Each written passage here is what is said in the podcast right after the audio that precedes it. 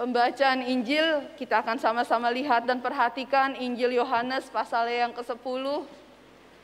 Bapak Ibu serta saudara sekalian dipersilahkan untuk berdiri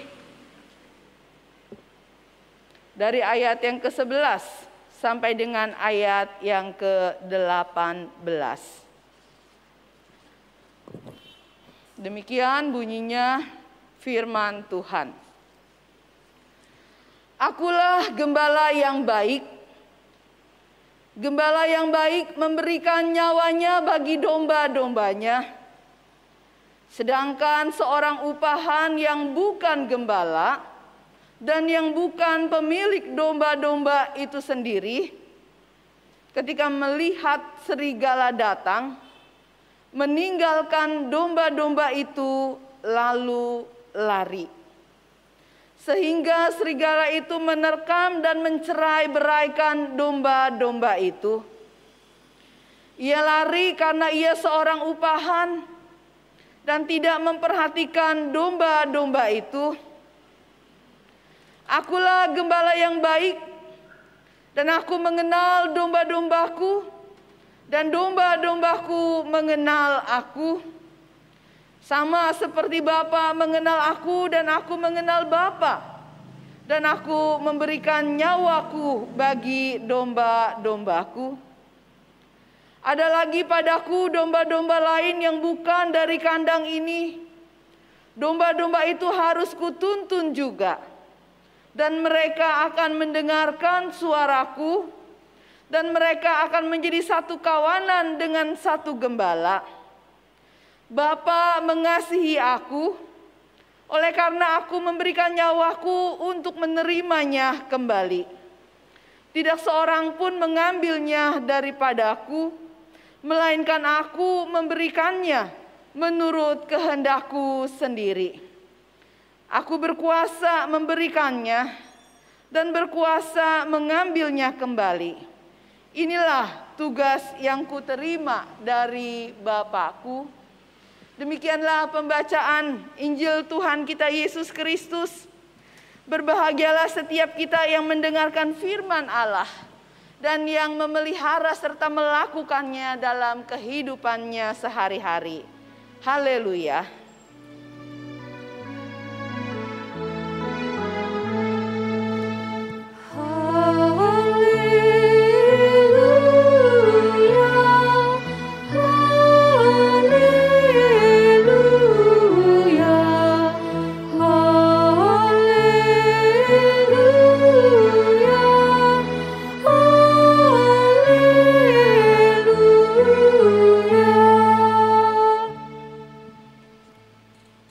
Silahkan duduk kembali Bapak Ibu serta saudara sekalian.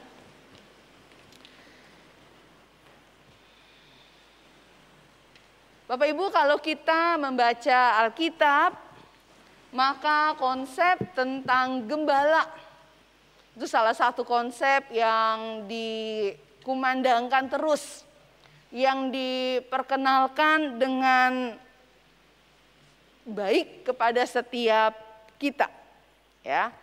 Kenapa demikian?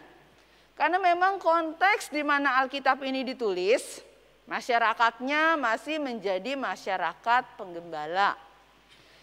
Dan bagi mereka pekerjaan menggembalakan kambing, domba, lembu, sapi itu sesuatu yang mereka tahu dan mereka kenal dengan jelas. Sehingga ketika Tuhan mau menyatakan dirinya dan apa arti kehadirannya di tengah-tengah umatnya, Tuhan menggunakan gambaran tersebut. Gambaran yang memang sudah dikenal, sudah diketahui, dan sudah dihayati dengan baik oleh umat pada waktu itu. Bapak Ibu, mungkin kita sekarang ini jarang melihat atau jarang ada di antara kita yang jadi seorang gembala ternak ya. Karena kita tinggal di era yang berbeda, di zaman yang berbeda, di tempat yang berbeda. Masyarakat kita bukan masyarakat yang menggembalakan kambing domba.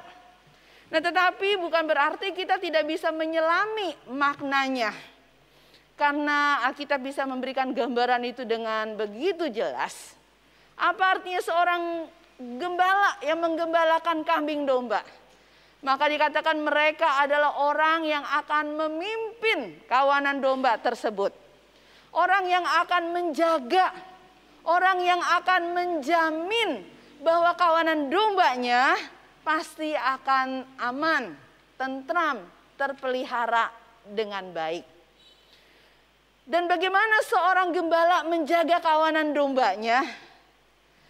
Bagaimana seorang gembala memelihara kawanan domba yang dipercayakan kepadanya? Maka juga ada banyak ayat-ayat di Alkitab. Saudara-saudara, kalau saudara sekarang sudah pakai gadget ya, saudara-saudara bisa tinggal search ya. Studi kata tentang gembala, maka saudara bisa mendapatkan gambaran yang begitu banyak, begitu panjang, begitu lengkap ya. Nah, hari ini saya nggak akan jelasin itu semua. Karena nanti kelamaan kita khotbahnya ya. Kebaktiannya bisa panjang sekali. Nah, tetapi paling enggak saudara-saudara, memang betul dalam Alkitab kita ada banyak sekali konsep itu disampaikan kepada kita. Apa yang akan dilakukan oleh seorang gembala? Dia akan memimpin kawanan dombanya ke tempat yang aman. Dia akan mencukupkan apa yang mereka perlukan dan mereka butuhkan. Dia akan mencari mereka yang hilang. Dia akan melindungi ternak atau gembalaannya yang sedang hamil atau yang kecil-kecil gitu ya. Dia akan memberikan perhatian khusus kepada yang lemah dan tidak berdaya. Yang sakit akan dibalut dan disembuhkan. Mereka yang tidak sanggup mengikuti kelompok itu bersama-sama berjalan, maka dia akan menggendongnya. Maka di sini kita lihat ada relasi, ada hubungan yang begitu baik antara gembala dan kawanan domba gembalaannya. Nah, saudara-saudara, Bapak Ibu sekalian, tetapi apakah bisa seorang gembala menggembalakan begitu banyak kawanan domba? Maka kadang-kadang karena mereka tidak bisa memperhatikan secara utuh seluruhnya, ketika domba mereka sudah menjadi lebih banyak dan bertambah banyak, maka yang terjadi adalah mereka akan memanggil orang-orang untuk bekerja bersama mereka, menjadi seorang penggembala upahan, ya. Nah, jadi ada yang punya ternak itu jadi gembala iya, tapi mereka juga akan dibantu oleh orang-orang yang disebut orang upahan, gembala upahan. Nah, saudara-saudara, Bapak Ibu sekalian, di sini kita bisa melihat apa yang dikatakan oleh firman Tuhan dalam Injil Yohanes. Memang punya keterbatasan dan ada satu hal yang sangat berbeda antara gembala yang memang empunya domba dengan gembala yang hanya gembala upahan. Gembala domba, domba-domba itu kenal mereka karena memang dia sudah terbiasa bersama-sama dengan mereka, bahkan mereka dilahirkan dengan bantuan dan pertolongannya mungkin, mereka sudah kenal dengan baik suaranya. Domba-dombaku mendengar suaraku, mereka mengenal aku dan aku mengenal mereka. Maka kalau gembala upahan bagaimana? Gembala upahan baru dipanggil, Orang baru yang baru diundang masuk ke tengah-tengah kawanan itu. Dan mereka tugasnya hanyalah membantu. Dan mungkin banyak domba yang gak terlalu kenal mereka dengan baik. Tapi mereka masih bisa tetap ikut kepada satu gembala yang empunya mereka dan gembala-gembala upahan itu akan mensupport dari belakang mereka. Nah saudara-saudara, tapi Tuhan Yesus menyebutkan dan menggambarkan satu perbedaannya apa? Sang gembala, pemilik domba, dikatakan dia akan berjuang sedemikian rupa untuk menjaga kawanan domba kepunyaannya. Yang menjadi tuntunan tangannya. Tapi tidak demikian dengan gembala-gembala upahan dia hanya melaksanakan tugas itu karena dia diupah. Dan dia tidak siap untuk bisa mengorbankan nyawanya. Maka kadang ketika ada binatang buas yang datang untuk menerkam domba-domba gembalaannya, Maka kalau gembala pemilik domba itu dia begitu sayang, dia akan memperhatikan, dia akan melawan, dia akan menjaga, dia akan membelanya sedemikian rupa. Bahkan dia rela memberikan nyawanya kalau memang itu yang harus terjadi. Demi untuk keselamatan kawanan domba gembalaannya. Tapi tidak demikian dengan para gembala upahan. Ketika ancaman datang, mereka akan lari menyelamatkan diri mereka sendiri. Karena siapa juga yang bisa dan mau hanya karena sebuah upah yang diberikan kepada mereka yang mungkin juga enggak seberapa. Lalu mereka bertahan sampai mati. Maka kasihnya kepada domba-domba itu adalah kasih yang terbatas Kasih yang diberikan hanya karena sebuah upah. Tidak ada satu dedikasi yang total. Yang mungkin mereka akan ada ketika situasi aman, tentram, baik dan di, eh, gambaran tentang gembala ini bukan cuma dikenakan kepada Tuhan. Tapi gambaran ini juga dikenakan kepada orang-orang yang ada di tengah-tengah umat Tuhan. Para raja, mereka dikatakan mereka adalah pemimpin umat, mereka adalah gembala bagi umat e, rakyatnya gitu ya. Lalu kemudian apalagi para pemimpin agama. Lalu kemudian siapa lagi kalau dalam kitab Yeskiel pasal 34 di sana kita juga melihat bahwa setiap kita pun ya dipanggil Tuhan, diberi Tuhan otoritas dan kewenangan juga untuk menjadi gembala bagi domba-domba yang ada. Dan itu dengan jelas juga dikatakan oleh Tuhan Yesus yang bangkit kepada Petrus. Simon, apakah engkau mengasihi aku? Ketika Simon berkata, "Ya Tuhan, aku mengasihi engkau." Gembalakanlah domba-dombaku. Maka kepada orang-orang percaya yang sudah mengikut Tuhan, yang sudah berjalan lebih dulu bersama-sama dengan Tuhan, Tuhan memanggil kita untuk juga bisa menjadi gembala bagi kawanan domba Allah yang Allah percayakan kepada kita. Jadi gembala ini bisa raja, bisa para pemimpin agama, bisa para pendeta dan penatua, bisa para pengurus di komisi, bisa juga setiap kita masing-masing. Kita dipanggil Tuhan untuk menjadi gembala bagi kawanan domba Allah secara keseluruhan. Kita dipanggil untuk bisa menuntun dan membimbing. Kita dipanggil untuk bisa memelihara kehidupan mereka. Kita dipanggil untuk bisa menjaga kawan-kawan kita. Jadi Tuhan mau masing-masing kita bisa bersama-sama saling menggembalakan. Nah Bapak Ibu bagaimana kita bisa menggembalakan umat kepunyaan Allah? Bukan dengan kekuasaan, bukan dengan kekerasan, bukan dengan keinginan untuk berkuasa atas mereka, bukan dengan keinginan untuk bisa mengendalikan mereka. Bukan yang seperti itu yang Tuhan mau kita lakukan. Tuhan mau kita menggembalakan seperti yang dilakukan oleh Tuhan kepada kita. Apa yang Tuhan lakukan? Dia mengenal kita. Dia membimbing dan mengarahkan kita. Dia menuntun kita, dia menjaga kita.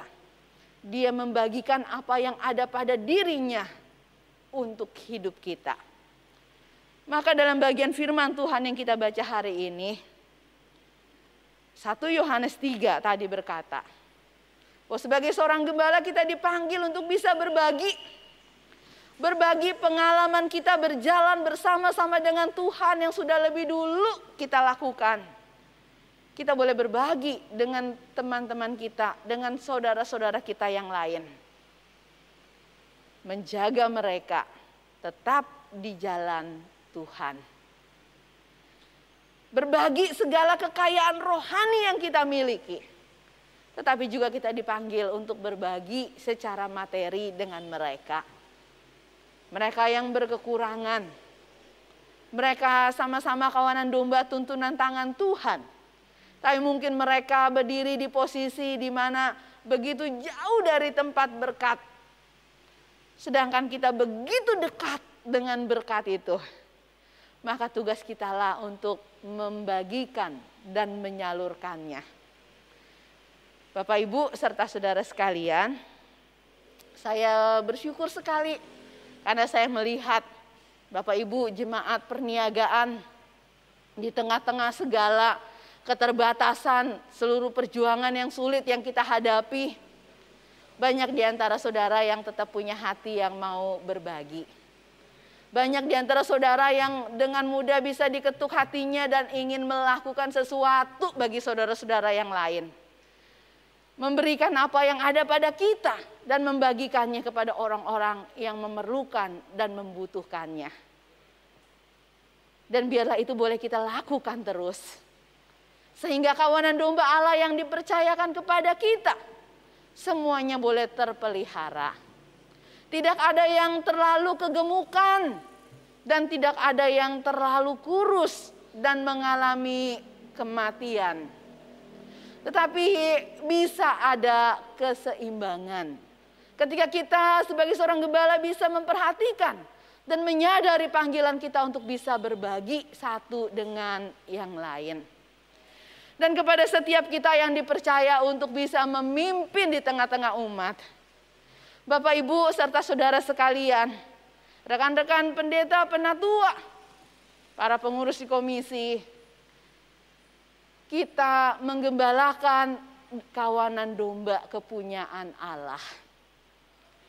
Biarlah kita memimpin dan membimbing mereka bukan dengan maksud dan keinginan untuk menguasai mereka memerintah atas mereka, memperlihatkan betapa mereka bisa tunduk kepada kita atau enggak, bukan, bukan itu tujuannya. Arah dari pimpinan yang kita lakukan harus bisa memelihara kehidupan. Arah dari teguran, dari pukulan yang kita lakukan, itu pun juga harus bisa membawa kesembuhan.